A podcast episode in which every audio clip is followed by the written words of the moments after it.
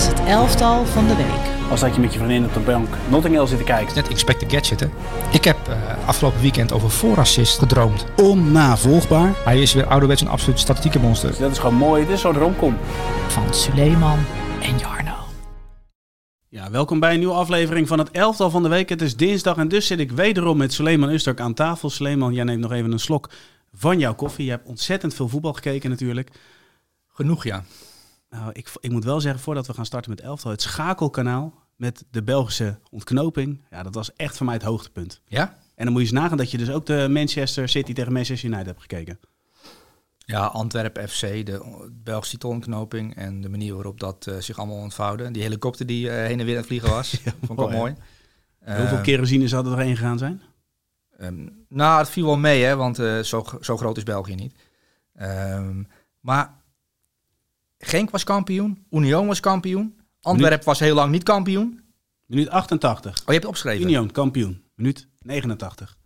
Geen kampioen, minuut 94. Antwerp kampioen.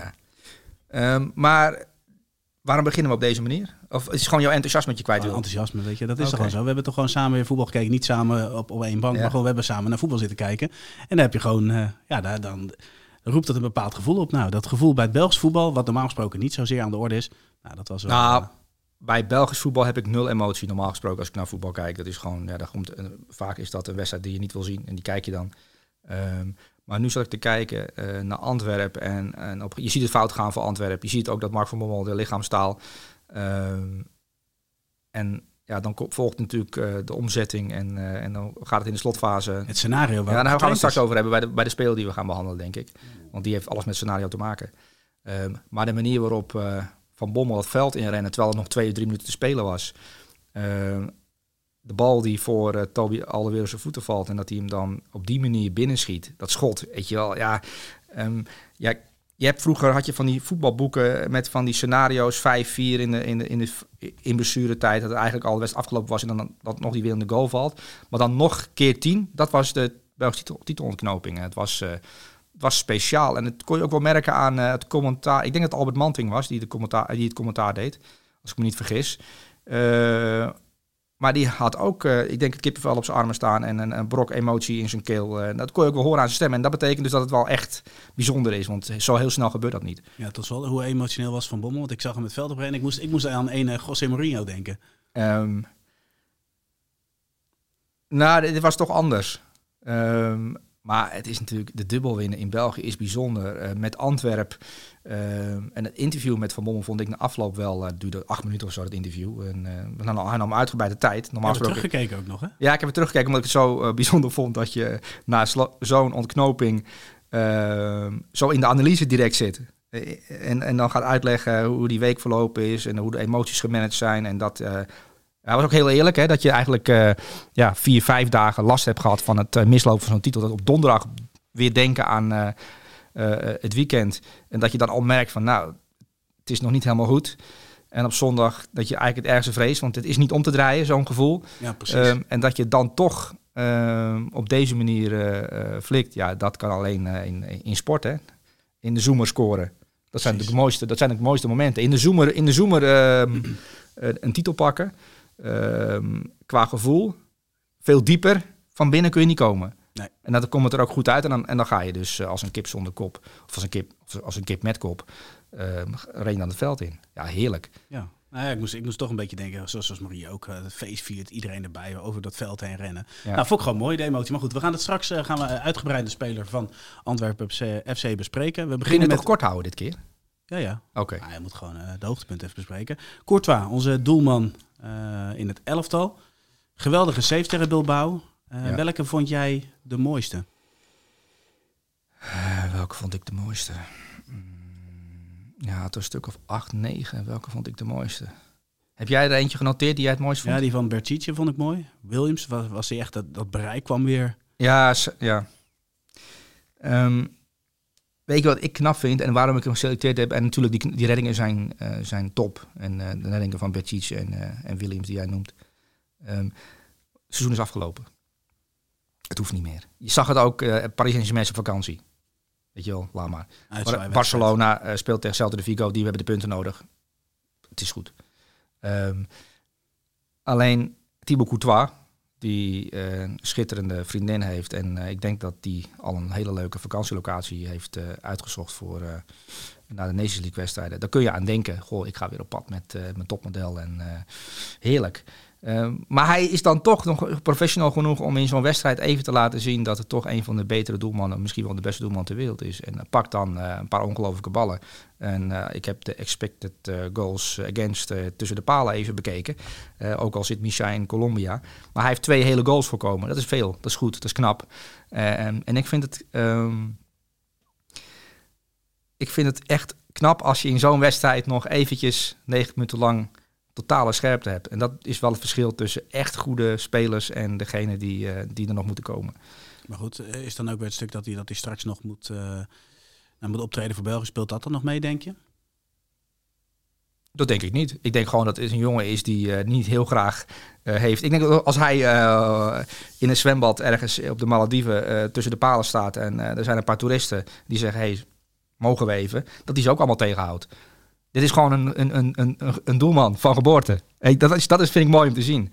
Uh, je hebt mensen die tot latere leeftijd uh, uh, iets waar ze goed in zijn, dat ook als ze, als worden uitgedaagd, dan ook laten zien. Hè. Je, hebt, je hebt natuurlijk van die gekken. Dus ik denk dat Thibaut Courtois op dit gebied wel een machine is. Dat hij gewoon tak uitschakelt. Hoezo? maakt niet uit waar je staat. Of je in Bernabeu staat of, of in je eigen achtertuin of op je vakantieadres. Uh, ik pak ballen en ik hou ze allemaal tegen. Ook al is het een kind van vijf dat een strafschop neemt. En normaal gesproken duiken eroverheen, maar hij niet. Hij pakt hem. Nee, dan gaat een kind van vijf gewoon jankend naar huis. Ja. Nou ja, dat is ook wel mooi. Maar even, klinkt misschien stom. De, de een negen. nee, waar zou je op vakantie gaan, denk jij? Met zijn topmodel? Waar zie jij dat voor? Waar, waar ja, maar jij hebt, je weet toch dat wel... Je hebt toch gewoon je onderzoek gedaan, neem ik aan. Je, dat is gewoon op Instagram. Sturen toch meestal een boot of zo? Ja, nou, dat heeft hij ook. Uh, maar het is vaak zonnig. Hij heeft vaak alleen een zwembroek aan en uh, zij heeft vaak alleen een bikini aan. En daar moet je aan denken. En dan uh, tropisch, paradijselijk, minstens vijf sterren plus. Um, en denk aan, uh, nou, ik denk aan 5000 euro per dag. Dat kunnen we allemaal niet betalen. Wij komen hem niet tegen op de camping. Nee, wij komen niet tegen. Oké. Nou ja, en negen. We gaan door naar de volgende. En dat is. Oh, jij gaat naar de, je, jij gaat naar de camping? Ik ga nu wel naar een camping, ja. ja. In welk land? Uh, Spanje zitten we nu. Een camping in Spanje, bij 45 graden lekker. Zeker, aan het strand. Aan het strand. mooi camp. Wel, wel een, zo'n, zo'n, zo'n chaletje, wel met een aircootje en een eigen toiletje en zo. Ik kan niet met een wc rondom over de camping, daar hou ik niet van. geüpgrade camping. Ja, ja, het is glamping. glamping. Hey, noemen ze dat zo? Nee, glamping is weer wat anders. Uh, maar jij zit dus op een camping en je zit niet in een tent. Nee. nee. Je zit wel in een, in een huisje met een toilet en een douche en airco. Ja. Uh, een keuken. Ja. Uh, dus zwembaden voor de kinderen. Zwembaden voor de kinderen. Oh, en wanneer ga je erheen? Uh, begin juli. Begin juli. Ja. Ik moet eerst nog heel veel opnemen met jou natuurlijk. Ja. 11e van het jaar. We gaan live met de Champions League finale. Uh, ja, wat gaan we nog meer bespreken? We gaan heel veel nog bespreken. Ja, live met de Champions League finale. Goed idee, hè? We gaan door naar de volgende speler voordat je... Ja, nee, daar heb ik echt zin in. Ik ook. Voor het eerst in een jaar of vijf dat ik daar zin in heb. Nou ja, mooi. Ik heb er ook echt zin in. Dat geloof ik niet, maar goed. Zeker wel. We gaan naar de volgende speler, Toby Alderwereld. We hebben het natuurlijk al gehad over Antwerp FC. Hij was de man met uh, misschien wel zijn mooiste doelpunt. In ieder geval zijn belangrijkste doelpunt. Hij had trouwens een vergelijkbaar doelpunt in de periode bij Weet je dat nog? Ja. Tegen? Welke keeper? Keeper trouwens met een geweldige vrije trap. Tipje van de sluier. Uh, ik ben even kwijt welke keeper het was. Ricky van den Berg. Ah ja, te raden Zo, dat is, uh, dat, heb je dat opgezocht of heb je dat onthouden? Nee, Arjen van IJssel op de redactie die oh. uh, wees me erop. En denk ik, oh ja, dat is waar. Ja, um, ja Toby Alderwereld. Jongen van de stad. Ja. Toch? Zeker. Dat zag ik wel, hè, met het vieren met de supporters. Ja, een keer terug. Hij heeft geloof ik ook die, uh, die, die, die kerk van Antwerpen getatoeëerd op zijn lijf. Dus het is echt een jongen van de stad. Hij heeft die stad op zijn lijf. Een beetje de Lex Immers van Antwerpen. Lex, Lex Immers van Antwerpen, zo kun je het noemen. Ehm, maar keer dan terug bij Antwerpen voor een leuk salaris. Want de topjongens bij Antwerpen krijgen natuurlijk wel veel geld. Het is niet helemaal een sprookje. Uh, dit is gewoon een titel die bij elkaar met Mark Overmars als uh, samensteller van, uh, van deze selectie plus trainer. Um, dat je dan, maar goed, daar gaat het allemaal niet om. Het is nu, je hebt alles verspeeld en dan krijg je nog één kans. Um, die bal valt voor zijn voeten. Goede combinatie daar. goed teruggelegd. Hij legt hem goed neer. Zeker. En dan, en dan schiet hij hem binnen op, op, onwaarschijnlijke wijze. Um, en dat juist hem dat overkomt, dan lijkt van jeetje mina, alsof het zo bedoel, bedoeld is. Um, maar dan zie je na afloop de uitleg van Mark Verbom en dan blijkt het allemaal vooraf Ehm, dit scenario is besproken. We kunnen een goal nodig hebben in de slotfase, de ultieme slotfase. Toby Alderweireld mee, naar voren. Ehm, achter twee spitsen uh, erbij. Ehm, als die bal daar valt, dan kan Toby Alderweireld er misschien binnen schieten. Daar is van tevoren over nagedacht. En dat vind ik schitterend. Dat je dit scenario van tevoren... En op zich is het heel normaal, hè? want een goede trainer denkt in scenario's.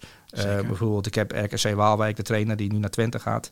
Jozef Oosting. Jozef Oosting die denkt ook altijd in scenario's. Die heeft ook altijd voor de tweede helft, uh, voor allerlei uh, standen, heeft hij scenario's in zijn hoofd. Is ook allemaal van tevoren besproken. Dus als het bij RKC kan, dan kan het ook bij Antwerpen.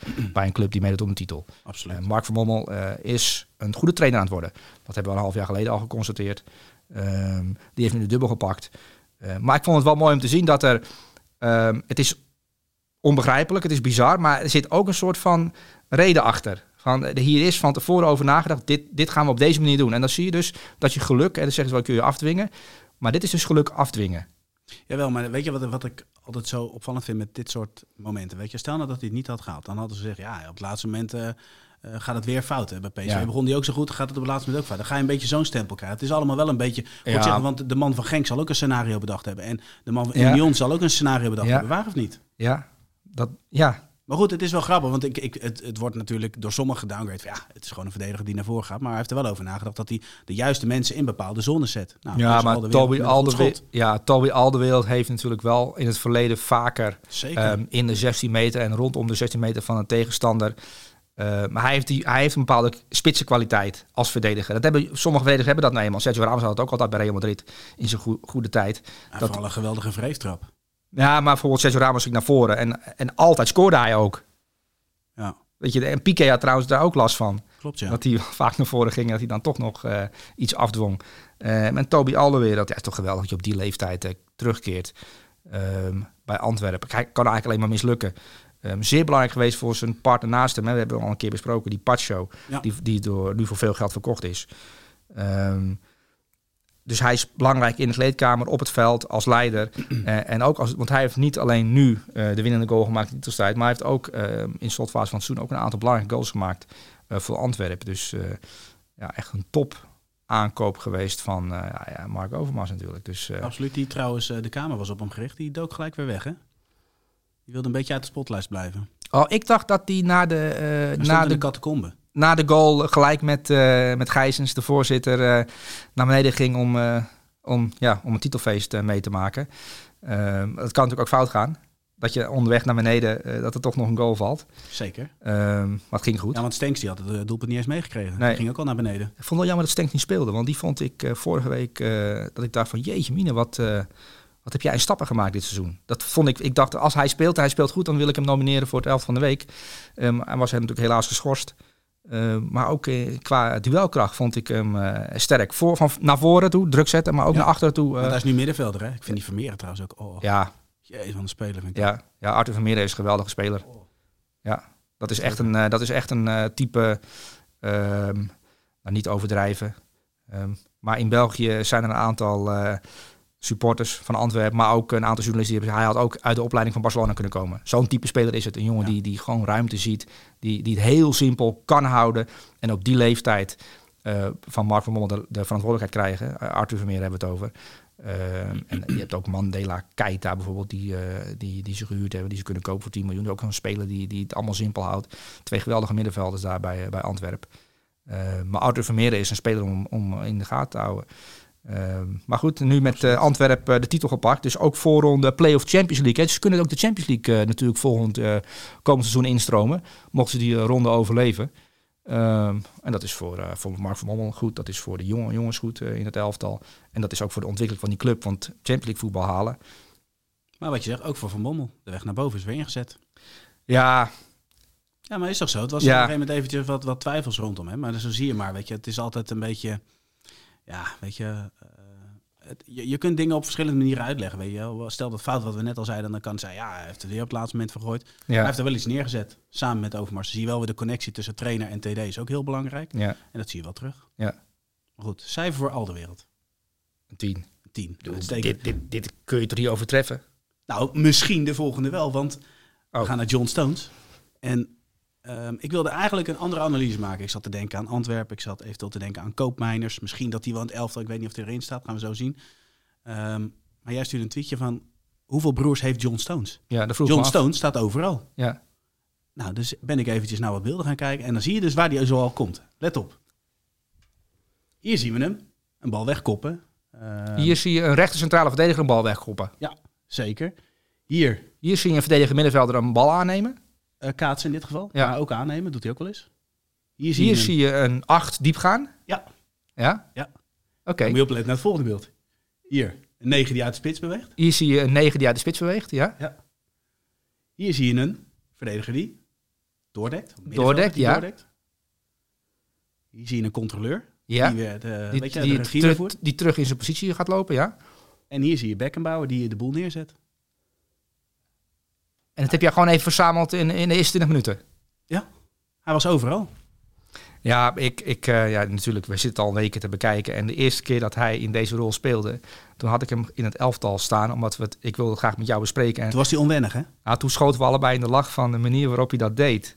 Want het was nog, ja, je zag heel duidelijk een speler die, die overweldigd was door, door alle informatie die op hem afkwam, qua, qua tegenstanders, maar ook medespelers die allemaal bewogen. Jeetje mina, wat, wat gebeurt hier allemaal? En dat, dat heeft hij ook zelf uitgelegd ehm, vorige week. eh, dat hij op een gegeven moment lol in begon te krijgen. Hij begon te praten. En het was een geweldig interview eigenlijk, waarin hij zelf misschien eens door had wat hij allemaal aan het vertellen was. Maar dat hij het over ritme had en het aanvoelen en eh, in positie blijven en wanneer wel en niet gaan. Dat, dat, dat gevoel ontdekken, daar heeft hij plezier in gekregen. En hij doet het niet op, eh, dat is voor hem niet natuurlijk. Er zijn jongens die het gewoon op natuurlijke wijze doen. Hè. Dat is gewoon die dit voor, dit, voor wie dit heel normaal is. Busquets, die deed het op vierjarige leeftijd al. Eh, Ja, maar die stond er altijd al. ja, die stond er altijd al. Die is gewoon opgeleid op die manier. Ehm, maar John Stones is eigenlijk een verschrikkelijk slechte verdediger. Ja, maar hou, hou dit even vast. Hou dit even vast. Ja, want ik wil, ik wil twee dingen even benoemen. Want we hebben om hem gelachen. Ja. Het is eigenlijk een, verslik- een verschrikkelijk slechte verdediger. Ja. Let op wat we nu gaan zien. Volgende moment. De sublieme stand. Kijk eens, hier wordt hij eigenlijk ingekapseld door vier United. Hij wordt ingespeeld door keeper Ortega. Onder volle druk. Dan is dit de meest logische keuze, toch? Dit Ja. zou een slechte verdediger doen en dan weer doorlopen. Nou, moet je opletten wat hij nu doet. Hij kapt hem af. Ja. Hij komt vervolgens in een grote ruimte en hij zet vier aanvallers voor United compleet voor lul. ja. Maar dit is normaal gesproken niet John Stones. Nee. Dit is dus wat jij denkt, de broer van John Stones. Ja. Maar dit is wel John Stones. Want de, de, er bestaat geen broer van John Stones die bij City onder contract staat. Er is maar één John Stones die bij City Maar dat speelt. is dus de John Stones die eigenlijk een verschrikkelijk slechte verdediger is. En Ja. waarom wij Nou, gelachen hebben eh, toen hij voor het eerst deze rol kreeg. Ja. Dat is die John Stones. ja. En dat is maar een half jaar geleden. Dat wij daarom zaten te lachen. Nou, vooral jij, hè? Want ik eh, zei wel, nee, ik nee, zei nee, wel van, er zit een plan achter.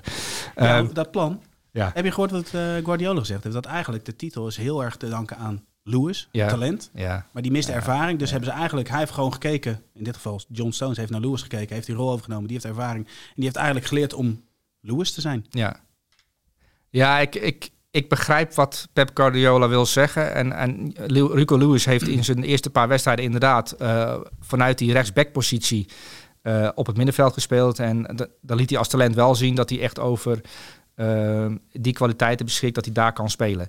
Eh, maar Pep Guardiola is iemand die behalve eh, tactisch goed is en, eh, en, en, en ah, is ook iemand die eh, qua speeches en qua motivatie en het, qua, eh, het, in het hoofd kruipen van de selectie. Ehm, want je kunt natuurlijk niet vijf, zes jaar lang jongens maar gemotiveerd houden. Dan, dan moet je ook een eh, bepaald soort eh, eh, communicator zijn. Dan moet je toch wel eh, eh, kunnen, ehm, eh, kunnen spreken. En durven doorselecteren. Waarbij Stones een, een van de weinigen is die vanaf de start van Guardiola er was. Ja, ja, maar kijk, eh, het, het is heel, eh, heel, nou het is niet heel simpel. Maar ehm, een elftal komt tot leven zodra spelers doorhebben... hey, als ik dat beter ga doen, kan ik op die plek terechtkomen. En John Stones heeft ook een seizoen gehad zoals Bernardo Silva wel zijn seizoen heeft gehad. Zoals Riyad Mahrez een seizoen heeft gehad. Zoals Phil Foden een seizoen heeft gehad. Sergio Aguero. Allerlei spelers die zodra de standaard een klein beetje om, omlaag gaat... Is, zet Guardiola op de bank en dan laat hij een ander speler die het wel uitvoert. Leroy Sané heeft het meegemaakt, die is afgevoerd. Ehm Cancelo heeft met Ake meegemaakt. En zo blijf je dat elftal fris. En dat heeft Guardiola zelf ook geleerd ehm, door de jaren heen. Van hoe kan je zo'n elftal naar het einde van een seizoen toe hongerig houden. En dat die jongens toch eh, weten van oké, maar ik moet blijven presteren en ik moet goed blijven trainen. Anders beland ik op de bank. En dat is iets wat je bij dit City heel erg terugziet. Um, en dat wordt wel eens vergeten. Bijvoorbeeld, Ake speelde niet in de FA Cup eh, finale natuurlijk tegen United, omdat Akanji daar speelde. Maar Akanji is zo'n speler, die speelde in rechtsback, centraal heeft gespeeld, uh, aan de linkerkant. Akanji is zo'n speler, daar gaat het niet over over tien jaar, over Akanji en, en, en City. Maar Akanji is wel een speler die nu deze trainingsweek Ake scherp houdt voor die finale. Want Ake is niet zeker van een basisplaats. Die moet hij toch afdwingen. Omdat Akanji bestaat. En dat geldt ook voor uh, al die andere spelers. Zelfs de Bruine, Kevin de Bruyne, waarvan iedereen zegt beste middenveld ter wereld. Zelfs die heeft een, een, dit seizoen een periode gehad dat hij op de bank zat. Omdat uh, Pep Guardiola zei, ja, dit, dit moet beter. Het moet, moet meer intensiteit in het spel. Dit is niet de Kevin die ik wil zien. Um, en, en ook hij heeft daarna weer een stap erbovenop gezet. Um, en dat geldt dus ook voor John Stones. Die ook een seizoen, twee seizoenen zelfs, uh, toch uh, minder speelde.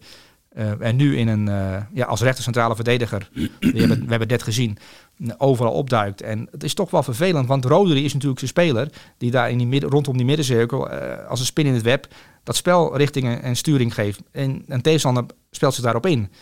Maar ja, hoe gaat zich er ook op ingesteld? Ja. Daar heeft die lijn die naar Akanji liet hij open. Maar dat werkte maar deels. Ja, en, en je, jij liet net het moment zien dat John Stones uh, omringd door vier man wegdraait uh, à la Frenkie de Jong en dan het middenveld in probeert te dribbelen. Uh, Inzaghi heeft deze beelden die jij geselecteerd hebt ook bekeken. En ik weet zeker dat Inter daar een plannetje op bedacht heeft. Want John Stones gaat hier niet elke keer mee wegkomen. En wat is nou het ultieme moment om hier niet mee weg te komen? Is natuurlijk een finale van een Champions League. Dat je dit gaat doen, heel stoer. Rondom uh, Lautaro Martinez, Barella bijvoorbeeld. En uh, misschien dat, dat hij begint met Lukaku. Die natuurlijk de laatste weken in topvorm is gekomen voor de finale. Um, en dan zou het zomaar eens fout kunnen gaan. En dan ja, zie je Inter profiteert ervan. Nee, dit gaat niet altijd goed. Want John, wat John Stones doet, dit kan eigenlijk kan dit niet. Nee. Um, en ja, dat is dus, dus bij deze een, een voorspelling voor de finale. John Stones gaat in de fout in de Champions League finale, denk ik. Zo. Ja, of hij gaat het weer heel degelijk oplossen wat hij tegen Arsenal deed. Dat hij ja. die, die vier liet staan. Maar... Maar John Stones is wel, het is wel, uh, kijk, van Arne Slot weten we natuurlijk, uh, dat, hij, dat heeft hij vaak verteld, dat hij alle wedstrijden van City uh, bekijkt. En ja, als je zo'n John Stones ziet, dat inspireert natuurlijk wel. hey, is dat nou een rechtscentrale verdediger? Is, het nou, is dat nou nummer 8? Is het nou een diepgaande middenveld? Is het nou een controleur? Is het nou een rechtsback? Is het een rechtsbuiten? Is de spits? Ja, maar dat doet hij een beetje met Geert Rijder natuurlijk. Ja. Slot heeft dat met Geert Rijder gedaan. Ja, en, en meerdere, ja, ja, en meerdere jongens. Maar uh, ja, het is wel, uh, wel leuk om te zien. Alleen Pep Guardiola wilde er niets van weten. Hè. Ik bedoel, na afloop van de FA Cup finale begon uh, een, een analist, een oud voetballer, begon uh, tegen Pep. Of het was, het was de keep doelman, Smigel was het. Die begon tegen Pep Guardiola van you are reinventing the game. En geweldig, je, bent een, je bent een ziener, je bent een, je bent een professor. En toen no, no, no, no, no, no, no. Dat is gewoon, het is gewoon een jongen die vooruit loopt en achteruit loopt. Die wil dat niet te groot maken, want dan gaat het natuurlijk fout. Ja. Ik denk dat dit een beetje valse bescheidenheid is. Ja, denk je valse bescheidenheid is? Hij weet toch ook wel dat hij onderscheidend is. Iedere toptrainer ziet hem als een uh, ja, als, als inspiratie. Ja, is natuurlijk ook, is ook zo. Alleen, uh, het is ook zo, John Stones heeft ook veel geld gekost. En dat is het probleem bij City. Um, dat toch als zij de treble winnen, ja, ze hebben een miljard geïnvesteerd. Dat is de reactie en dat vind ik op zich wel jammer. Ik heb het idee ah, dat het wel minder is. Oh, ik heb, ben weinig mensen tegengekomen die tegenover mij beginnen van... oh, wauw, City, Guardiola, echt inspirerend. Natuurlijk trainers kijken naar voetbal. Puur het voetbal alleen. Als je puur alleen het voetbal beoordeelt, zoals Pieter Zwart... Uh, tactisch naar City kijkt en het, het geld niet meeneemt. Maar in Engeland, uh, heel veel journalisten die stukken schrijven over City. Het gaat toch over, een, uh, het gaat toch over de 200 regels die ze overtreden hebben. Het gaat toch over de manier waarop die club is opgebouwd. Door valse spelen, financieel gezien. Financiële doping kun je het noemen. Ja, maar goed, en dat mag natuurlijk niet. En, en, uh, Voor heel Chelsea, ja. die, die geven ook het geld uit. Ja. Die presteren minder. Ja, maar uh, het is natuurlijk voor sommige mensen, of voor heel veel mensen, is het toch lastig om daar doorheen te kijken. Maar ik kijk alleen puur naar het voetbal. En um, de eerste helft van City tegen Real Madrid, kun je het nog herinneren? Zeker. Die 45 minuten, denk ik de afgelopen 20 jaar, nou ik overdrijf de afgelopen 10 jaar, de beste 45 minuten die ik gezien heb. Als, als van een ploeg die uh, tegen een andere hele goede ploeg uh, op een belangrijk moment zo domineert, was echt bizar. Zo, zo, zo hoog niveau dat ze haalden. En ook in die FA Cup finale, um, Ten heeft zich goed voorbereid. Um, komt kwaliteit tekort. als ploeg. Dat zag je heel duidelijk voorin. Te weinig kwaliteit om het City echt lastig te maken. Dat je denkt van oké, er komt nu een aanvaller aan de bal die zo goed is. En er start nu een buitenspeler weg die zo goed is. Dat City angst heeft. Dat was er helemaal niet. Dus het was eigenlijk geen wedstrijd. Ehm, dus er zijn weinig ploegen die dit City nu uh, kunnen afstoppen. En alleen Inter, misschien als zij een defensief plan hebben en een beetje geluk, zou het kunnen lukken. Um, maar ik denk ook dat dit, uh, dat dit ja, dat een oneerlijke strijd is. Dat denk ik ook. Ik denk zelf dat het een, uh, een ruime overwinning gaat worden. Nou, dat, is, dat, is, dat kan. Maar dat gaan we natuurlijk allemaal weer voorspellen. Dat gaan we voorspellen. Zaterdag, zeker, ja. zeker. Want je in voorspellen ben je goed, hè? Een fenomeen. Een fenomeen, precies. Um, cijfer voor Stones? Nou, we hebben net Toby Alweer een 10 gegeven. We zijn in de goede stemming. Laten we John Stones uh, in aanloop naar de Champions League finale... laten we hem omhoog tillen. Een 10 voor John Stones. Uitstekend. Ook vanwege jouw speciale analyse. Dankjewel, dankjewel. Ja. we gaan naar de volgende speler, Vitesca van Clermont Foot. Ja. En ja, ik, ik dacht uh, ineens, wie is dit? ja. En ik zag de beelden en ik dacht, oh, goede speler. Vind jij mij een goede scout? Ja, ik, vind, ja ik, vind, ik vond dit echt weer een mooi speler om naar te kijken. Mooie fonds voor mij, hè? Nou ja, zeker. We hebben het, naar de analyse van Per Schuurs gehad. Rustig aan de bal, comfortabel, goed in de passing. Uh, Louis Dunk, hoe vaak hebben we die niet besproken? Ja. Deze jongens ook echt heel comfortabel. Mooi passing, lange paas, korte paas niet onder druk te krijgen. Want ze speelde tegen PSG, speelt hij zich ook onder de druk uit. Ook Mbappé die volle bak druk zet. Dat vond ik trouwens opvallend. Ik zag Mbappé zeker drie keer druk zetten. Dat is toch gek om te zien. Ja. Maar ik heb wel genoten van hem. Mooie vondst. Kijk, Matthäus Witeska, 26 jaar, een Pool. En, en die hebben ze afgelopen zomer gekocht voor... En ik heb het even het, uh, gecheckt voor 1,3 miljoen euro. Dat je dit voor 1,3 miljoen euro in de Poolse uh, competitie vindt. Clermont Foot is natuurlijk, heeft een goed seizoen gedraaid in Frankrijk. Zeker. En die spelen dan... Uh, ja, tegen Paris Saint-Germain. Mbappé speelde natuurlijk en hij stond, deze Vitesca, die moest Hugo Ekitiki dekken. Dat was de, de spits van Paris Saint-Germain. Nou, dat was kinderspel voor Vitesca. Ja. Dat, Ekitiki is niet goed genoeg om, om, om Vitesca het moeilijk te maken. Dat zag je ook, ballen vasthouden. Vitesca die veroverde eigenlijk al die ballen die hij probeerde vast te houden. Maar ook de keren dat Messi doorkwam, hij schoof dan uit, bam, balverovering. Mbappé een aantal keer. die ruimtes pakte hij heel goed. Ja, het, het, het, het het, het, lezen van die ruimtes, als vond ik hem de beste in de defensie van, uh, van Clermont Foot. Um, en je zag ook dat, dat Paris Saint-Germain probeerde wel uh, Foot naar een kant te drukken, maar dan uh, kwam hij dan vrij en dan uh, bleef hij een aantal keer. En ik zag één actie, daar moest ik bij, ook aan Breiten denken, dat ik, oh, jij haalt hem nu terug op je andere been en speelt hem de andere kant op. Durf, lef, bravoer, uh, ja, inzicht. van PSG ja, naar zich toe trekken, en, dan, de, de, ruimte zoeken. Ja, en dan de ruimte zoeken. Dat, is, dat was goed gedaan. En dan, dat verwacht je toch niet van Matthäus Vitesca. Nee. Um, maar ja, er zijn een aantal spelers van Clermont Foot die, uh, die, die dit seizoen opgevallen zijn. Dat is een ploeg die, die fris en vrolijk uh, overeind gebleven is in die Franse competitie. en nu ook weer het geweldige laatste wedstrijd tegen Paris Saint-Germain dat wel met een aantal jeugdspelers speelt. En, en, en Mbappé speelt eigenlijk alleen nog maar om de topscorerstitel. Uh, die hij gewoon weer gepakt heeft. Hè, voor de vierde jaar op rij. Die is ook weer voetballer van het jaar geworden in Frankrijk. Um, en maar Paris Saint-Germain natuurlijk ook andere issues. Hè, want er is natuurlijk al wat gebeurd uh, in, die, in die selectie met Doelman. Hè, die, ja. Sergio Rico, die natuurlijk op de intensive care ligt. En dat is natuurlijk wel een, een, een bron van zorg. een bron van grote zorg zelfs. in Sevilla en omgeving. Dat zag je ook bij de spelers van Sevilla trouwens. Die ook allemaal met zo'n inloopshirt met Sergio Rico op een, op een shirt speelden. En ook na afloop van die wedstrijd zag je ook heel veel steunbetuiging aan Sergio Rico. Ja. Um, en ook natuurlijk bij Paris Saint-Germain, de jongen speelde met Sergio Rico op mijn rug. Um, ik kan me wel voorstellen dat als een, een, collega van jou, een directe collega van jou, op een intensive care ligt en vecht voor zijn leven, dat je dan niet heel erg bezig bent met Clermont Foot. Um, dus, dus die nederlaag is ook wel ergens te plaatsen. maar ja, Clermont Foot moet wel gewoon die wedstrijd winnen. En dat deden ze perfect. Ja. Met onder andere deze Witeska als een van de uitblinkers. Het is wel een speler om in de gaten te houden. Nou, wellicht maar die stap gaan maken. Ja, heel interessant. Wat voor cijfer krijgt hij voor zijn optreden? Een 9. 9. We gaan door naar de volgende. Dan zien we Cabri Vijka. Ja, die hebben we eerder wel eens uh, in het elftal uh, van de week gehad. Ja. Ik vond die actie, laat maar zeggen, die schuiver in de verre hoek. Want het is ter stegen passeren is niet eenvoudig. Nee, dat weten we allebei. Maar was continu dreigend. Maar die, die schuiver, laat maar zeggen, in de lange hoek. Na een knappe actie ja, doorkomen over die recht. Frenkie oh. de Jong had hem een aantal keer, uh, denk laat maar hè. Laat Gabriel maar gaan. nou ja, de, de vraag is, liet hij hem gaan of had hij opgepakt moeten worden? Ja, had opgepakt moeten worden. Um, alleen de eerste goal die hij maakt, dat hij komt natuurlijk door, rand 16 meter. Um, intensiteit, diepgang. Dat is een van zijn kwaliteiten. Hè? Ja. Uh, Gabriel, Gabriel Vega, dat is een, een jong talent van Celta de Vigo. uh, Echt door die club opgeleid. Um, Jouw Aspas is dat natuurlijk ook. Die zat op de bank. En, en Celta de Vigo moest natuurlijk winnen om degradatie te voorkomen. Dan is het wel mooi dat zo'n jongen uit de eigen opleiding... die begin het seizoen nog niet bestond eigenlijk... Uh, op een jeugdcontract voetbalt voor 40 miljoen is af te halen en ook afgehaald gaat worden door een club uit de Premier League waarschijnlijk. Want Gabriel Vega heeft zo goed gepresteerd. Uh, want ik heb de data uh, bij me. Ik heb mensen mijn huiswerk laten doen. Ehm, maar er zijn twee spelers onder 21 met meer dan 10 goals in de grote vijf competities. Eén heet Jamal Musiala.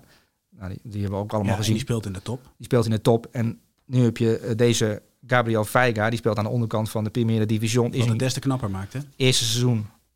Eerste seizoen als prof. Uh, als eigen jongen, dus uit, uit, uh, uit uh, Vigo, mm. bij Celta, deze verantwoordelijkheid pakken in, in de wedstrijd tegen Barcelona, dat er echt om gaat. Die rust bewaren bij die eerste goal. De manier waarop hij hem langs ter, ter stegen schuift. Heel bewust die, die hoek in, die verre hoek in. Ja. Zeer knap. De tweede goal. Dat was een voorzet. Ik zou dus zeggen na afloop van, ja, ik zag die keeper, die, die gewisseld was. Hè. De Peña kwam er natuurlijk ja, ja. in voor ter stegen. Weet je wel, ja, die staat ver voor zijn goal. Ik mikte die manier. denkt dat echt? Ja, dat krijg je 100.000 euro meer in Engeland. Als, je, als jij... Ja, dan moet eigenlijk na zo'n goal... Maar dan moet je het wel heel overtuigend brengen. Gaan vieren, ja. Dan moet je à la slaat dan rondom het stadion gewoon je, je, jezelf presenteren van kijkers, jongens. Wat ik nou gedaan heb net. Ja. Ik dat was ben... de actie daar voorafgaand, hè? Van Ja. Carlos Perez. Ja. Speelde Oh. trouwens een goede wedstrijd eh, aan die, aan die Kan rechterkant. nog herinneren, ehm, eh, ja, ik denk dat de, de vaste luisteraars weten dat ik een, een, eh, een zwak heb voor Ricky. Ik Ja, ben ooit naar Barcelona B gegaan, toen speelde hij daar ook. ja, Ja. Echt een goede speler. ja. Ja, dat zijn jongens die tijd nodig hebben, een paar seizoenen in de benen nodig hebben om profvoetbal te begrijpen. En dan, en dan komen ze vanzelf bovendrijven. Want die hebben wel een aantal kwaliteiten die jij dan direct ziet in zo'n wedstrijd, zo'n jeugdwedstrijd. Uh, hij heeft natuurlijk vermogen om heel kort en klein met die bal Ja. Ja, openingen te vinden. En, en, en dat, maar dat moet je dan op een gegeven moment ontwikkelen. Daar gaan we nog wel wat van horen van deze jongen. En uh, blij voor Celta de Vigo dat ze erin zijn gebleven. Mooie club. Absoluut. Cijfer voor Vega. Nou, ehm, ja, je moet je, het is een jongen van de club die in de wedstrijd tegen Barcelona uh, je zijn ploeg erin had. Een 10, een 10, Een 10. een 10. Wauw. Dan gaan we naar de volgende. Dat is uh, Brozovic. Die gaan we ook zaterdag aan het werk zien. Dat is denk ik wel de vraag of dat zo is, maar ik denk het wel, ja. Waarom twijfel je eraan? Nou, omdat hij natuurlijk geblesseerd is geweest, een aantal wedstrijden ook gewoon op de bank heeft gezeten. Ehm, Ah, die, hebben ze, die, die ga je toch klaarstomen voor zo'n wedstrijd? Want die hebben ze wel hard nodig hoor. Ja, want hij heeft wel een bepaalde kwaliteit die, eh, die bijzonder is. En dat zag je ook natuurlijk weer eh, in deze wedstrijd. En, en ik heb het niet over eh, het schot met links dat hij binnentrapt. Vrije goal. Vrije goal. Ja. Het gaat meer om eh, ehm, de functie die hij heeft bij Inter. Je hebt natuurlijk Barella, die, die onderweg is, die druk zet, die agressief is, die duels wint. Je hebt, je hebt, natuurlijk onze, eh, onze Turks-Duitse eh, vriend, middenvelder, die eh, geweldig kan... ik mag vriend zeggen. Zeker. Net als Emiel zelf is. Ehm Çalhanoğlu, die, die geweldig afstandsschot heeft. Je hebt die wingbacks die onderweg zijn. Je hebt dat spitse duo, waarbij uh, Lukaku nu weer uh, kracht heeft en uh, fit uitziet. En Ja. ook zin in voetbal uitstraalt. Je hebt Lautaro Martinez, die, die een geweldig handige spits is. En dan heb je daar als een soort radar een jongen die continu in een drafje naar plekken loopt om aangespeeld te worden als een soort van Precies. verbinding. Ehm, en dat doet hij echt geweldig. Daar is hij zo goed in. Ik ben wel benieuwd wat hij dan doet tegen de hoge druk van City. Want dan, dan, daarom zei ze, ze hebben hem wel echt hard nodig. Want Ja. als je alleen maar lange ballen wil voorkomen, dan, dan zal hij toch de oplossing moeten worden. Ja. Toch voor Inter? Er is niemand anders. je Ja, je hebt natuurlijk ook de linker centrale verdediger van Inter kan redelijk goed voetballen. Dus je- het, het, het, Zeker, dus- maar dus dat is het wel wordt wel, terug. het wordt wel eh, City dat eh, de bal heeft en Inter dat gaat. Maar je moet ook durven voetballen tegen City.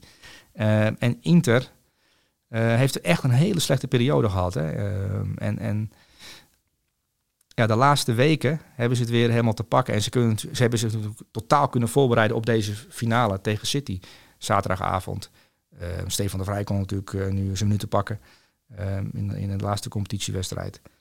Ehm, dus ja, ik ben wel nieuwsgierig of Inter goed genoeg is om, eh, om, om, eh, om, om City tegenstand te kunnen bieden. Ik kan het me niet voorstellen. Klinkt, ik bedoel, Inter is echt wel een opmars. En is echt wel een ploeg die beter voetballende tegenstanders, laat maar zeggen, eh, pijn kan doen. Ja. Maar ik kan hem gewoon niet voorstellen om, en het heeft niets te, om Inter tekort te doen, helemaal niet zelfs. Want ik vind het heel knap dat ze de finale halen. Maar ik kan me niet voorstellen dat City als ze ook maar enigszins de vorm halen, dat dat gestopt kan worden. Maar voetbal is oneerlijk, hè?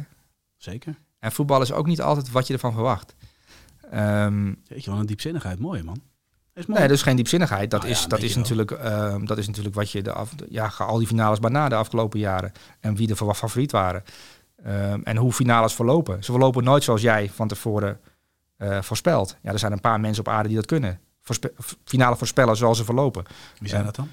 Ja, daar ga ik geen uitspraak over doen. Maar de mensen weten wie dat, wie dat, wie dat wel zijn. Um,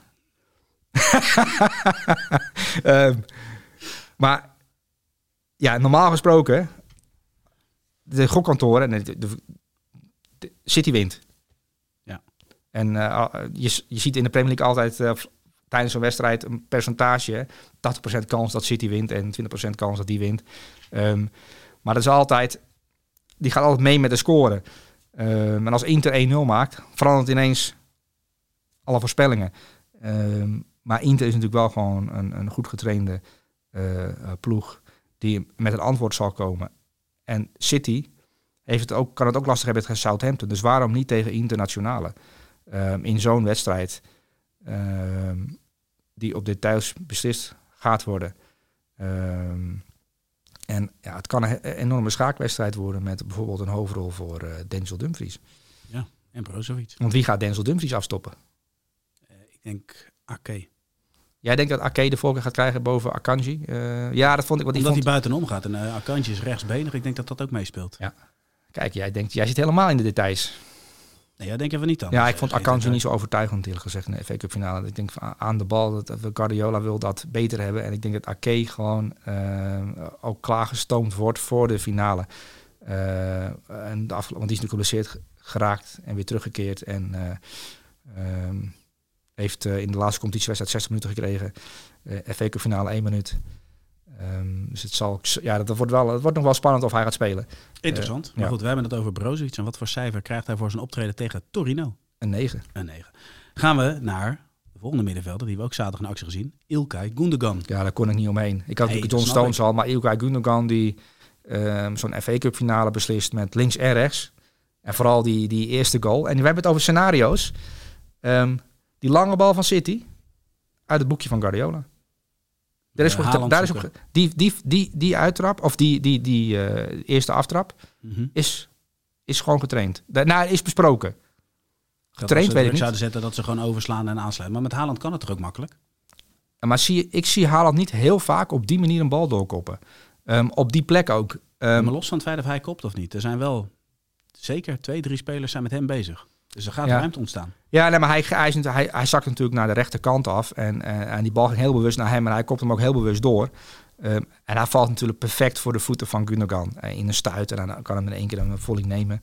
Uh, en die bal valt perfect binnen. En dus er zit heel veel geluk bij. Um, maar ook bij dit geluk is van tevoren... we gaan deze vrije trap op deze manier nemen. Want dit verwachten zij niet helemaal op die manier. En als wij Haaland op die manier laten bewegen... gaat daar ruimte ontstaan. En ik vind het al wel grappig, daar moet Pep Guardiola of een van zijn assistenten van tevoren dit hebben bedacht. Ja, de vraag is of het echt gelukt is. Dat is net als bij, bij al de wereld. Ik denk dat ze wel weten, daar gaan die ruimtes ontstaan. Ja. En als die bal daar valt, dan moet je zorgen dat je daar iemand hebt staan dus. Maar dan is het wel lekker die, dat, dat Gundogan daar komt. Ja. Want Gundogan is daar wel echt heel, heel goed in. En los van, van zijn doelpunt trouwens. Ik vond de duels met Casemiro vond ik echt ja. reuze interessant. Van twee kanten topniveau. Ja. Ja, Casemiro is echt een topspeler. En uh, Gundogan is heel slim, ook in de momenten dat de bal niet bij hem in de buurt is. En eigenlijk moet je daarvoor in het stadion zitten en alleen naar hem kijken om echt te begrijpen wat hem nou zo goed maakt. Um, en natuurlijk valt hij op de laatste weken omdat hij veel scoort. Hè. Hij heeft natuurlijk veel goals gemaakt. Ja. Um, en we hebben natuurlijk één wedstrijd van Leeds gehad dat hij uh, bijna 200 balcontacten had. Dat, dat hij een andere taak had gekregen van Pep Guardiola. En dat kan hij dan ook. En hij, met hem kun je ook een beetje schuiven. Um, en dat is het leuke aan City nu. Met Gundogan kun je schuiven, met John Stones kun je schuiven, met Rodri kun je schuiven. De Bruine. Met de Bruine kun je, ja, die, dat is ook zo'n schim die, die overal opduikt. En Ja. wat geeft je nou voor van links, geeft je nou voor van rechts? Uh, gaat hij nou diep in de 16 vanuit de halfspace, weet je wel? Al die dingen. Het is, het is, eh, eh, je, het is veel, je moet heel veel raden nu bij City. Wat ze gaan doen. Ja, alleen de positie van Haaland is bekend. En, En, en, en het nadeel van Haaland is dan voor de tegenstander dat het zijn positie is bekend. Alleen hij schiet er dan wel één of twee of drie binnen. En, alhoewel, de laatste weken eh, niet hè. Nee, maar goed. Ik denk in de finale. Ja. Maar goed, het was weer een mooie pot. Uh, Gundogan, wat uh, voor cijfer krijgt hij voor zijn optreden tegen United? 10, 10, 10, 10, 10, 10, 10. Ja, wel echt, uh, echt scheutig met het team ja, vandaag hoor. Ben ik benieuwd wat Teun Koop Ja, kan het je al verklappen. 10. Ja? Oh, dit, die laatste goal, echt waanzinnig. Zal die bewust zijn geweest? Die is zeker weten Die van Veiga was misschien dat je denkt twijfelen. Ja, maar deze was echt bewust. 100 procent. Drie goals en assist. Um, in, in een best belangrijke wedstrijd. Uh, die is met 5-2 winnen van Monza. Ja. Um, en Teun Koopmijn is die natuurlijk... Ja, is het nou een linker centrale verdediger? Is het een controleur? Een nummer 10. Is het een nummer 10? Is het nou een, een, een half 10? Zoals hij nu bij Atalanta een beetje uh, functioneert. Ik heb een vraag voor jou. Uh, de positie bij Atalanta heeft natuurlijk, uh, krijgt daar een redelijk vrije rol. Hij mag overal opduiken. Eigenlijk vanuit de teampositie komt hij overal waar naar de ruimte zitten, kan hij het spel naar zich toe trekken. Ja, welke positie moet hij zich richten in Oranje? Ja, ja je wil over Oranje praten. Ik, ik vind het een beetje... Teun Koopmeiners, die, die komt ergens vandaan. Bij AZ. Ja. Um, die gaat naar Atalanta toe. En, en, en ik heb toch het idee dat hij in Nederland alleen wordt beoordeeld op die 45 minuten die hij krijgt in Oranje. Um, en ja, daar doe je hem eigenlijk onrecht mee. Want dan ga je hem beoordelen op de functie die Frenkie de Jong heeft. Links op middenveld. Want het is niet een... Het is geen verdedigende middenvelder, nee. à la Casemiro. Het is ook geen Frenkie de Jong. Um, maar Teun Koopmeiners, die laat nu bij Atalanta zien dat hij vanuit die rol die hij nu heeft gekregen van Gasperini, uh, ja, zullen we het een half tien noemen? Ja. Uh, iemand en uh, nagelang, wat, wat heeft een wedstrijd nodig? Wat, hoe zet een tegenstander druk? En het is natuurlijk een intelligente jongen. En een jongen die, die, die, die tactisch meerdere rollen aan kan. Hij kan als centrale verdediger spelen, maar hij kan ook als nummer 10 spelen. En alles wat er tussenin zit. Dat betekent ook dat tijdens een wedstrijd... Ah, de tegenstander probeert nu uh, 3 tegen 2 te creëren op het middenveld. Weet je wat? Passen ons even aan. Um, hij is goed in druk zetten. Hij is aan de bal, met die traptechniek die hij natuurlijk heeft, zeer vast. Maar hij kan ook ploeggenoten vinden. Het is een jongen die bij Atalanta zich geweldig aan het ontwikkelen is. Uh, op zo'n manier dat je er echt niet vreemd van moet opkijken als er een topclub voor hem komt. Um, omdat hij, hij, is iemand die zich aanpast. Uh, het gaat natuurlijk altijd over zijn snelheid. En als we naar Oranje naar hem kijken, oh, hij is wel een beetje traag. Dat is dan dat kritiek die hij maar krijgt. Wij beoordelen wat, eh, wat we nu zien. Alleen de vraag is, jij geeft terecht aan. Maar het is wel lastig om een jongen die... die kijk, Mats Wiever speelt bij Feyenoord zoals hij bij Oranje kan voetballen. Ja. Vanuit de controle, lekker die balletjes doorspelen. Uh, ja, dan, dat is één op één redelijk makkelijk te vergelijken. Maar Teun Koopmeijers die bij Oranje van, die bij Atalanta vandaan komt en dan die zijn ruimte ineens veel kleiner gemaakt wordt.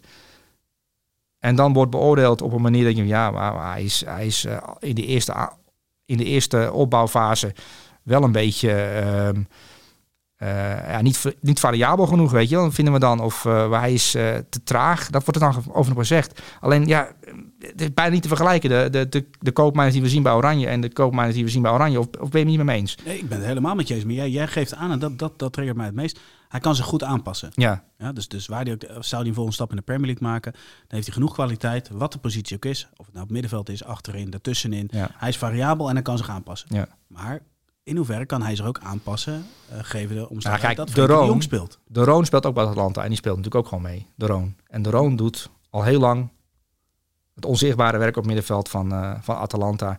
Die zie je vaak teruglopen als Atalanta aanvalt om restverdediging en alles wat ermee te maken heeft, dat doet de Roon. Dat is zijn taak ook. En dat hij die taak heeft gekregen.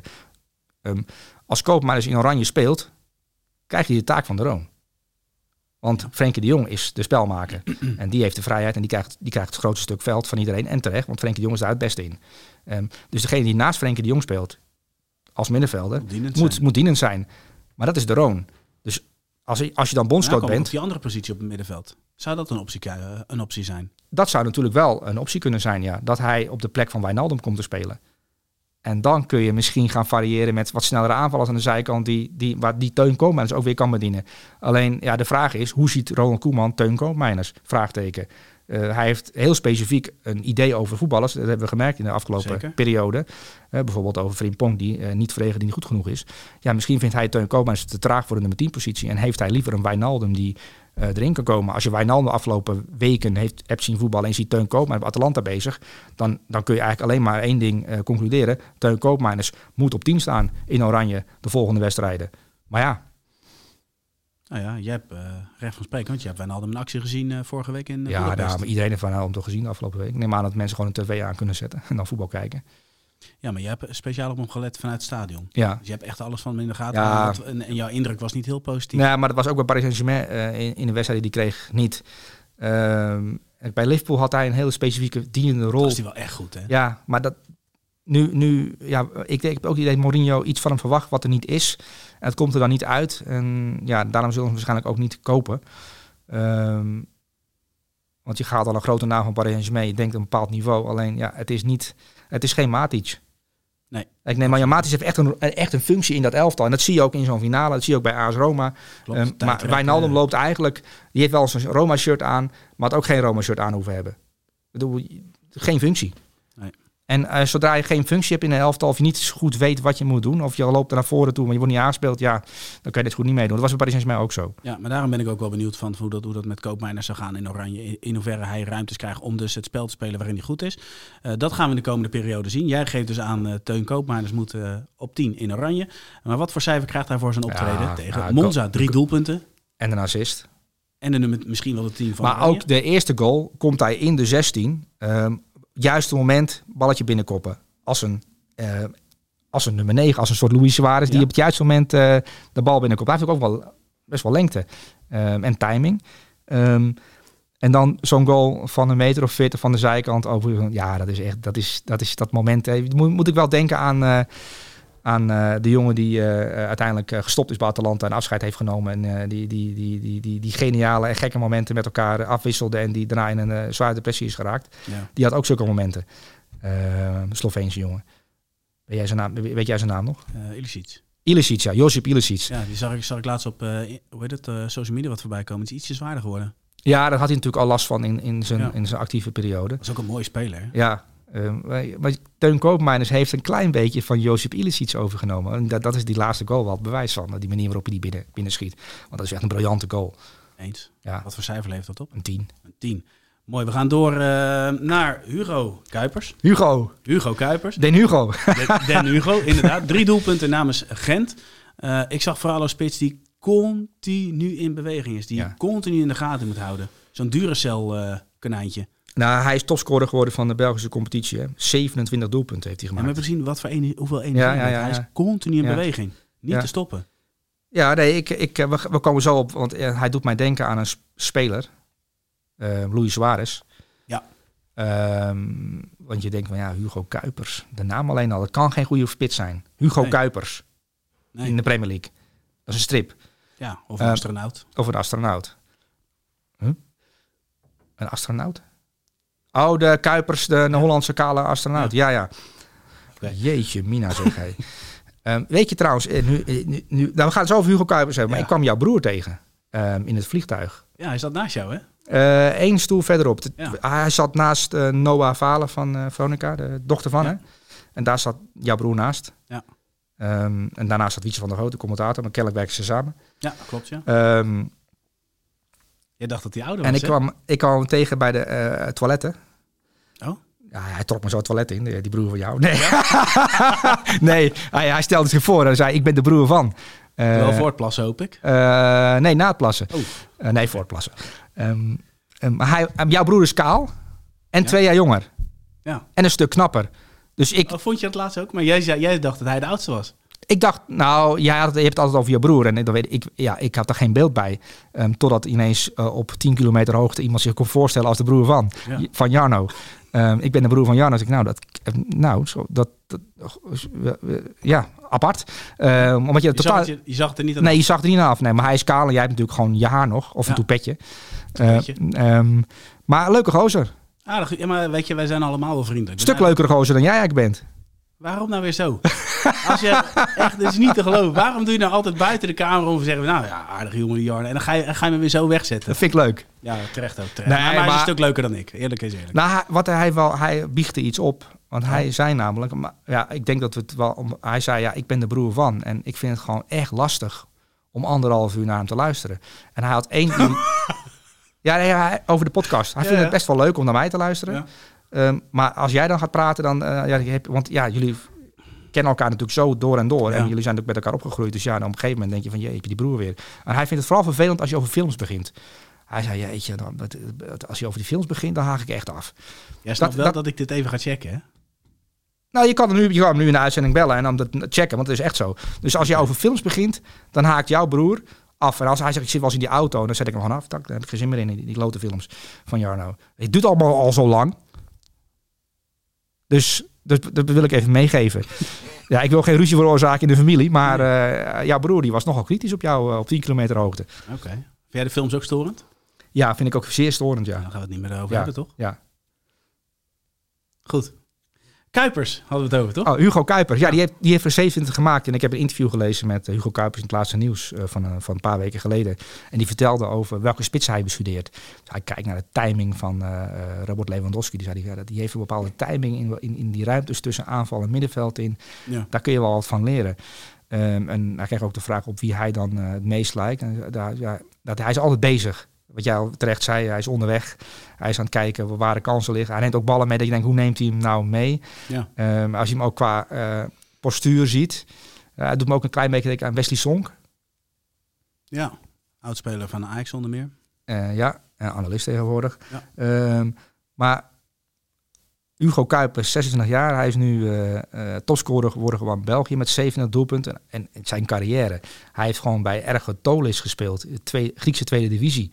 En hij heeft er ook een jaar niet gespeeld vanwege een, een, een issue uh, met, ja, met die club.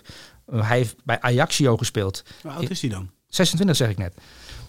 Oh, sorry. Um, maar zijn carrière. Het is eigenlijk uh, Thijs Dallinga, maar dan uh, een paar jaar ouder. En, en die, die, heeft op de gekste plekken gevoetbald. Hij komt bij KV Mechelen vandaan. En nu ineens, bam, A-agent. Uh, met Gift Orban natuurlijk, die erbij gekomen is. Zeker, maar hij is gewoon de grote jongen van A-agent. Hij is speler van het jaar geworden van A-agent. Ehm, Hugo Kuipers.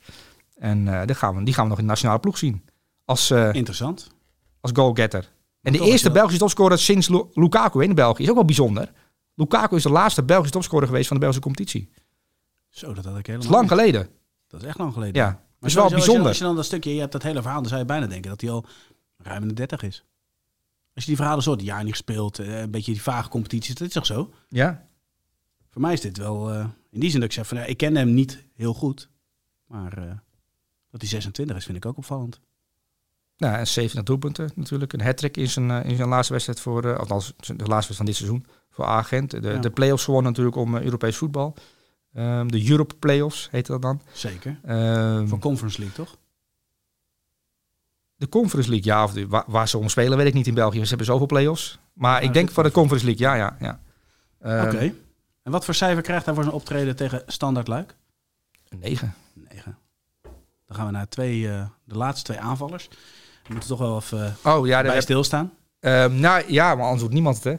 Nou ja, kijk, we, hebben het, we, gaan het afscheid bespreken van Karim Benzema en Slatan Ibrahimovic. Uh, Benzema deed het, uh, die kwam nog een keer in actie uh, in het shirt van Real Madrid. Scoorde ook Scoorde nog. Ook nog. Slatan helaas niet. We beginnen even met Karim Benzema. Als je de cijfers erbij pakt, 648 duels, 354 doelpunten. Um, ja, ik, ik heb niet heel veel ervaring als, als hovenier, maar mij is altijd wel verteld dat in de schaduw in principe niks groeit. Behalve Karim Benzema. Je hebt het over Ronaldo en Benzema in de samenwerking in het begin? Ja, of, dat, als je dan ziet wat daar gebeurd is. Ook in die tijd van Ronaldo was hij al heel belangrijk en steeds beter. Maar wat we in de laatste jaren zien is echt... Ja, hij heeft natuurlijk de gouden bal gewonnen. En hij heeft met Real Madrid natuurlijk ook um, een Champions League gewonnen, een titel gepakt. Maar um, de laatste drie seizoenen van Karim Benzema bij Real Madrid... Um, uh, als totaalprestatie, weet je wel, met wat hij doet uh, als nummer 9... Um, en het gaat nu vaak over Harry Kane, waar hij goed in is. Maar Karim Benzema is de afgelopen drie jaar wel de meest complete aanvaller geweest uh, in de Europese competities. Completer nog dan uh, Robert Lewandowski. Um, ongelooflijk. Ja, dat is een stukje dat hij buiten de 16 zo goed ja, is. is echt, dat is de, hij is de beste spits buiten de 16, Karim Benzema. Uh, 35 jaar. Um, ja, en dan kom je op een punt. Ga ik nog elk jaar een soort van contract afdwingen bij Real Madrid? Zoals uh, uh, Luca Modric uh, dat doet de afgelopen ja. jaren. En zoals Sergio Ramos niet wilde. Die ging natuurlijk naar Paris Saint-Germain Ja, die wilde toen twee jaar. Twee jaar, jaar, ja. ja. Um, dan denk ik van ja, Karim Benzema, Ballon d'Or. Op, op, je, op je hoogtepunt, dat, dat besluit nemen is Vooral ergens dat. wel, denk je van, oké, okay, je neemt nu afscheid van Bernabeu, van Real Madrid, van die glorie. Uh, op je hoogtepunt. En dan ga je naar een competitie misschien. Waar je af en toe een goal voorbij ziet komen van, van Ronaldo nu natuurlijk nu bij Al Nasser. En, en als hij naar Al Ittihad had gaat. twaalf generaties na zich, laat maar zeggen, ook eh, veilig speelt financieel gezien. Ja, ja, want dat zijn contracten waar je, waar, je, waar je eigenlijk niet over kunt nadenken. Zo vreemd zijn die contracten. Ja. Eh, maar daar zullen we het over een later moment vast nog heel veel over gaan hebben. Want eh, hij zal niet de enige zijn die verleid gaat worden door eh, ehm, de grote bazen van Saudi-Arabië. Want die willen natuurlijk een heel soort van sterrencompetitie gaan opzetten. In de aanloop naar eventueel een WK in 2030. Ja. Daar hoort Ronaldo bij. Messi is natuurlijk ambassadeur voor, eh, voor een WK. Ehm, en Benzema, ja, Benzema is natuurlijk ook ehm, als moslim een geweldige, ehm, hoe zeg je dat, uithangbord voor, eh, voor zo'n land. Nou ja, ze halen in principe ook de gouden balwinnaar. En de gouden balwinnaar, ja, dat is ook wel bijzonder. Dat je de gouden balwinnaar, eh, de regerend gouden balwinnaar bin- Ja, binnenhaalt. Ja. Ehm, maar goed, ehm, ja, hij, heeft geweldig gedaan als dienende speler in de schaduw van Cristiano Ronaldo. Was er echt heel goed in, in de manier van, in de manier van lopen en loopacties en ruimte maken voor Cristiano Ronaldo. Eh, met terugwerkende, terugwerkende kracht moet je dat eigenlijk bestuderen van als jij dienend wil zijn aan een, eh, aan een ja, aan een van de beste voetballers in de historie, dan moet je doen wat Karim Benzema gedaan heeft. En daarna, oké, ik ben hier nu, de goals zijn weggevallen van Ronaldo, maar dan sta ik toch op als doelpunt te maken. Dat is wel knap dat hij die transitie ook gemaakt heeft. Echt eh, eh, geweldige paar laatste jaren gehad bij Real Madrid. 25 prijzen. Ja, veel. Ja. Een paar Champions Leagues ook nog. Is niet Ja, normaal. ja. ja, leuk. Een legende. Ehm icoon, Inmiddels wel. legende, ja. Ja, lege- ja, nu wordt iedereen dat tegenwoordig legende genoemd, maar Nou, maar goed, je pakt ook de cijfers erbij, toch? Aantal Ja. wedstrijden dat hij gespeeld heeft, aantal prijzen dat Maar- hij gepakt heeft. ik zat dus te denken, wie moet hem opvolgen? Harry Kane. Is de enige die dat zou kunnen, toch? Te normaal. Ja, maar het gaat er even om hoe, hoe vul je die positie in. Wie zie jij dat anders Ik zie eigenlijk maar één opvolger voor... eh, voor eh, De Argentijn van City, die nu niet speelt? nee, nee, nee, nee. Erling Ja? Haaland. Ja, maar die gaan ze niet halen. Nou, maar er is maar één opvolger en dat is Erling Haaland. Ja, maar dat is niet reëel. Dan haal je Mbappé. Maar ja, dan moet je Vinicius Junior vertellen dat hij aan de andere kant moet gaan spelen. Ja. Of je zet Mbappé in de spits. Alleen dat is niet zijn favoriete positie. Want die wil liever met Giroud in de punt. Nou ja, daarom denk ik dat Kane de meest reële optie is. Alleen dan koop je dan, dan heb je de oplossing voor een paar jaar. Hij laat best wel, als je, als je dan zo kijkt, laat hij best wel een achter. na Eden Hazard hè? en Gareth Bale. Gareth Bale die kreeg op een gegeven moment eh, last van golveritis. Mhm. Heb een geweldige periode gehad. Maar Eden Hazard, die ze, die ze van, eh, van Chelsea eh, vandaan hebben gehaald voor heel veel geld. Ehm, de- ja, geblesseerd geraakt, is nooit meer echt teruggekomen op zijn oude niveau. Ehm, denk jij niet dat Real Madrid wel drie keer nadenkt voordat ze 150 miljoen uitgeven Ja, aan, wie, een, noem, wie heb je dan? aan, aan een Engelsman op leeftijd? Ja, dat klopt. Oké, maar noem, noem iemand anders. Wie zou het dan kunnen doen? Nou, er is maar één optie. Dat, dat, is, dat is Erling Haaland. Ja, dat klopt, maar die is niet reëel. Dat gaat, Nou- dat gaat niet gebeuren, denk ik. Als Erling Haaland het voetbal heeft uitgespeeld met een treble, een topscorerstitel en een PFA Premier League Player of the Year award, want die gaat hij krijgen. Ehm, wat valt er nog te winnen bij City behalve die, die, die treble? Nee, niks. Maar ik kan me niet Waarom niet gewoon dat hij dit na 500 een voor jaar 500 miljoen naar Real Madrid? Denk je niet dat Real Madrid er toch dat gaat proberen? Want ze willen hem natuurlijk hebben al een tijdje. En, eh, en eh, je, je, je leest allerlei scenario's in kranten. hè. In 2024 moet hij komen of in doet? Ik denk dat 2025 de moet hij komen. geldschieter van City dat toelaat. Die, eh, ik denk dat die, wa- wat er ook gebeurt, hij overbiedt dat wel weer. Denk ik. Ja, ik, ik kan me niet voorstellen dat het een reële optie is. Wel als hij drie, vier jaar bij City zou spelen, dan zou, het- dan zou het nog wel kunnen. Maar niet na zo'n korte termijn. Ik kan me dat niet voorstellen gewoon. Nou, Harry Kane lijkt mij een beetje vreemd. Maar noem eens, noem eens Vinicius een- Junior en Harry denkt- Kane. En Rodrigo. Jawel, maar je gaat naar profiel kijken, toch? Dat je Ja. een echte Ja, ja. spits die ook in de bal komt. Dus de, laat maar zeggen, de valse tien eh, tussen een 9 en een vals 10 in zit, laat maar zeggen. Ja. Ik zou niet weten welke spits dat zou kunnen doen. Nee, maar het, je moet ook niet op zoek naar hetzelfde. En kijk, eh, misschien is Rasmus Højlund van Atalanta de oplossing. Het is, het is, we hebben het hier natuurlijk al een keer over gehad. Want Harry Kane, ja, ik snap het wel. Maar is, het is een 30-jarige. En ja, Ja, klopt ook. Je, lost het probleem een paar jaartjes op. nou, of niet. Dat, dat vraag ik me nog wel af of dat zo is. Maar Harry Kane speelt al zo lang bij Tottenham dat je, het, dat je gewend aan hem bent geraakt. Ja, bij Tottenham. Ja, Oké, maar dan ga ik het anders stellen. Kane die eh, wil zelf weg, dat wil hij al een aantal jaar. Maar de Tottenham gaat niet, laat maar zeggen, de directe concurrentie sterker maken, toch? Dus dat probleem is dan toch ook opgelost? Oké. Ja, ik kan, weet je, het is, ik kan me niet, wie, wie zou dat anders kunnen doen? Want Mbappé ga je dan wel een andere plek zetten. Lijkt me ook niet heel logisch en handig. Ja, nee, dat is natuurlijk. Het is eh, echt wel een, Het eh, is, het is la- het lastig, want types als Benzema eh, vervangen. Je hebt het over een gouden balwinnaar, maar ook een nieuwe Messi, een nieuwe Ronaldo, een nieuwe Lewandowski, een nieuwe ehm eh, Zlatan. Ja, dat zijn, dat- die zijn niet te vervangen, maar met Giroud kun je ook kampioen worden. Het gaat erom dat je, ehm, dat je logisch moet gaan nadenken. Maar 150 miljoen, dat is het probleem van Harry Kane. Hij is veel te duur. Hij is, hij is 30 eh, en 150 miljoen, dat gaat nergens over. Ik zou die Alvarez al eh, iedere week Ja, alleen die spelen. gaat City niet weg laten, laten gaan. Uh, ja, tenzij een belachelijk bedrag biedt. Um, maar ja. Afwachten. Maar wel, het is wel interessant, want er gaat natuurlijk wel het een en ander gebeuren. um, want ja, er gaat een carousel van spitsen komen. Want Colomwani heeft ambities. Um, Hoijloen van Atalanta is gaan spelen, die in, in korte tijd veel meer waard is geworden. Uh, Osimhen uh, bij Napoli, de voorzitter, uh, zit te wachten op het telefoontje. Dat ze denken van jeetje, Mina, wauw.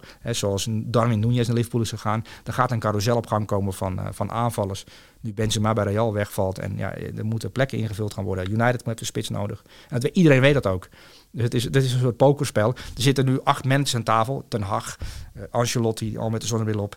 Allemaal met, een, uh, met, met hun fiches. En die, die zijn op zoek naar de beste spits. En die kaart gaat vallen. En wie pakt dan voor de, voor de meest ideale prijs die spits? En dat is het pokerspel wat nu gespeeld gaat worden. Op hoog niveau. En je weet dat Ancelotti een goede pokerspeler is. Ja. Toch? Beste pokerface. Uh, tenminste, ik ken geen manager met een beter pokerface. Jij wel? Ja, dat klopt. Ten Hag, zou dit ook kunnen? Draag, ik denk dat het nog een goede pokerspeler is hoor. Denk ook wel, ja. ja. Maar verder? Guardiola niet. Nee, want ik kan aan Guardiola zien als hij zenuwachtig is. Want dat, hij die allemaal trekjes heeft hij. Misschien is wel een van de slechtste. Ja, hij is een enorme neuroot. Guardiola is een echt een enorme neuroot.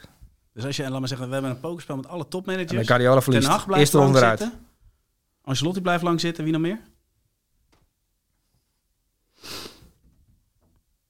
Xavi ja. ook niet. Simeone gaat, of, uh, Simeone gaat gooien met fiches. Ja. en uh, uh, Mourinho die gaat als een klein kind eh, heel gek doen aan die tafel. Ik denk dat dat zijn ook nee, is ook geen goede. Ja, die gooit die hele tafel omver. Tuchel, ik denk dat Tuchel ook goed kan pokeren. Nee.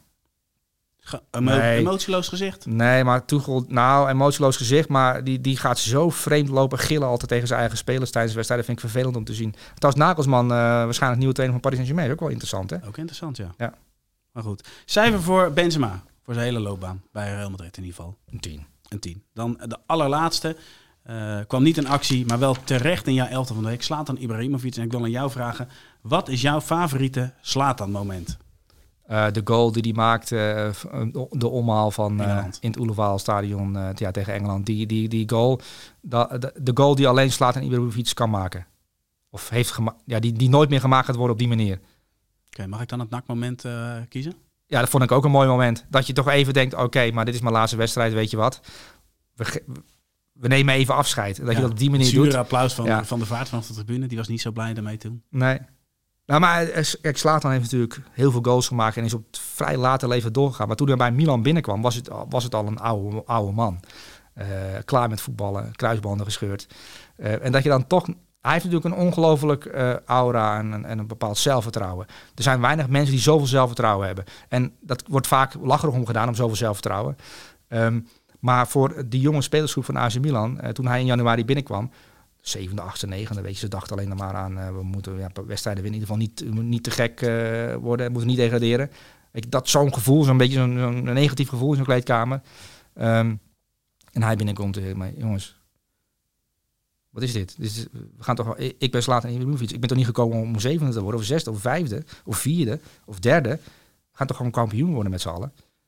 En dan, extreme zelfvertrouwen. Ja, extreem veel zelfvertrouwen. En uh,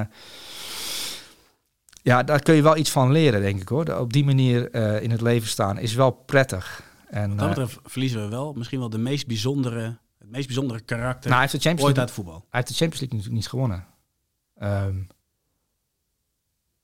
is af en toe een grote ronde misgelopen met Zweden. Want ja, het, het, is, het is een Zweed. Ja. Um, je hebt niet alles mee in het leven. Maar dat je dan toch nog zoveel zelfvertrouwen hebt. En als je nou naar bijzondere karakters kijkt, hebben we nee, er is niemand te vergelijken op dat vlak met Slatan, toch? Nou, maar ook op een gegeven moment, we hebben natuurlijk allemaal bij Ajax gezien en er waren allerlei met de interviews met Joes Schreuder geloof ik, hoeveel later dan wel niet zijn.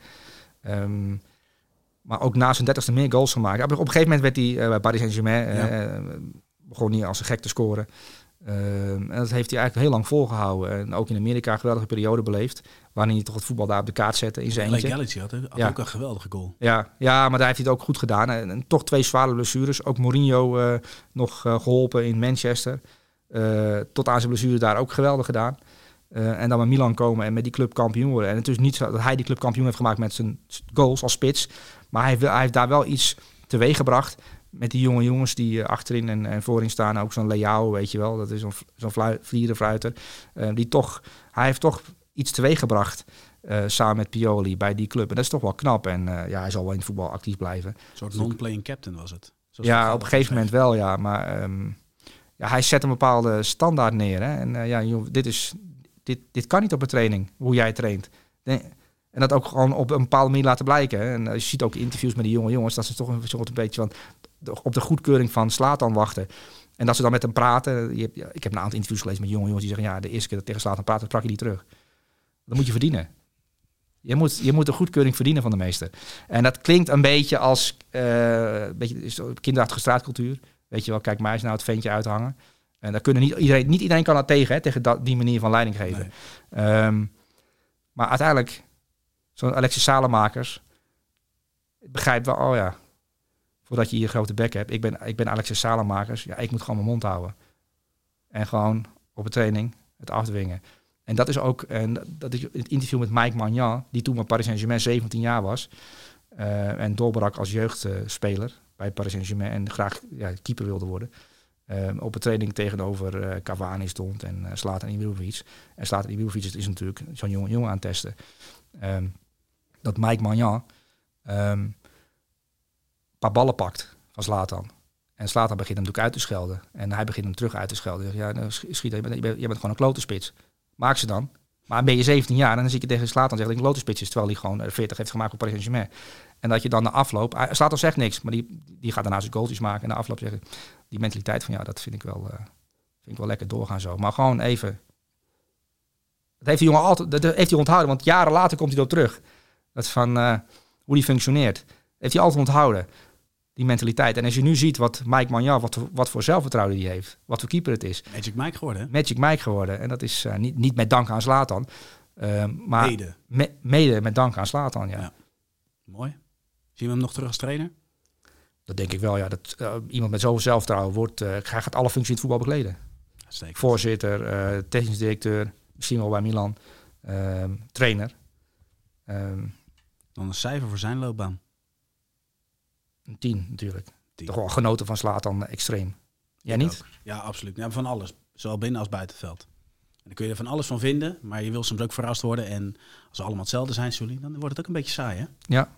Dus maar goed, dat gezegd hebbende. Soelie, dank voor jouw tijd. Volgende week nemen we het elftal van het jaar op. Komende zaterdag gaan we uitgebreid vooruitblikken en terugblikken op de Champions League. Toch? Ja. Mooi zo. Soelie, dank. En jongens, jullie bedankt voor het kijken en voor het luisteren. Laat even in de comments weten wat je van het elftal vindt. En dan zijn we volgende week terug met een nieuwe aflevering. In dit geval van het elftal van het jaar. Tot ziens. Dit is het elftal van de week als dat je met je vriendin op de bank Notting Hill zit te kijken. Net Expect Gadget, hè? Ik heb uh, afgelopen weekend over voorassist gedroomd. Onnavolgbaar. Hij is weer ouderwets een absoluut statistieke monster. Dus dat is gewoon mooi. Dit is zo'n romcom. Van Suleiman en Jarno.